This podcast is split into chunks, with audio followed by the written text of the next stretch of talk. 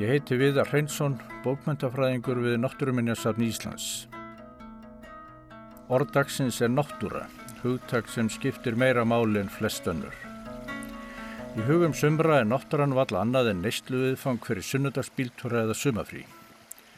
Í hugum annara eitthvað viðkvæmt sem þarf að venda. En aðra rámar í að náttúra þýði eðli, já eða kynkvöld. Það verð ekkert grín fyrir bónda að leggja í fengitíman með náttúrulösan hrút. Orðið er sprottið af latneska orðinu natúra sem upphaflega þýtti fæðing eða jafnvel getnaður. Ekkert samsvarandi hugtakar til í fornumáli Norrænu.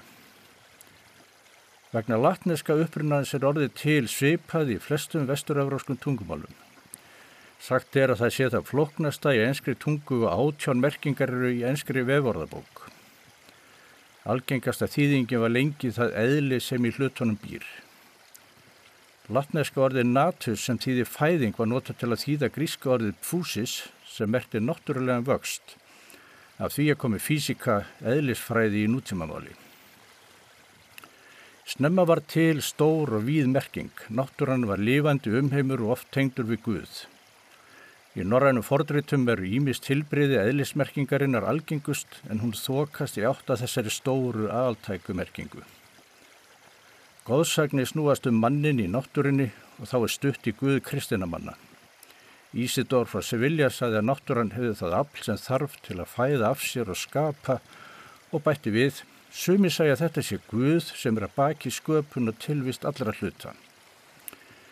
En Guð notaði ekki orðið náttúra í sköpunasögunni þegar hann bauð manninum að drotna yfir jörðinni og gera hana sér undirgefna og kannski gleymdan ábyrð mannsins gagvart sköpunverkinu því drottun er áberandi í rytningunni. Ég er drottin Guðþinn og þú skalt ekki aðra Guði hafa. Samt býr náttúran yfir merkingar auðleð sem speiklar jarneska fjölbreytni, lífræðilega, jarfræðilega og menningarlega.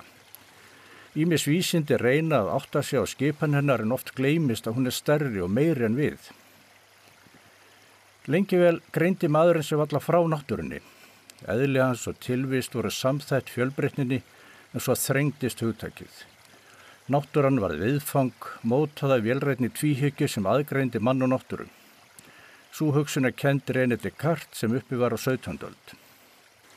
Byltingar geta verið tvíbentar og ég til börnum sín. Vísindabylting hófst á 16. öld en reyði yfir með fullum þunga á 17. öld. Þá var litið smerri augum að náttúruna tali lítið mála skiljana sem gangverk hlutgerana til þess að drotna yfirni og nýta. Það fannst flestum guði þóknarlegt nema hollenskum gýðingi Baruch Spinoza nafni. Hann sneri upp á guðshugmyndir og smættandi hugmyndaströma tímans og sagði einfallega Deus sive natura sem þýðir Guð eða náttúran. Náttúran er Guð og hann sá heildamerkingu sem aðri mistu sjónaraf.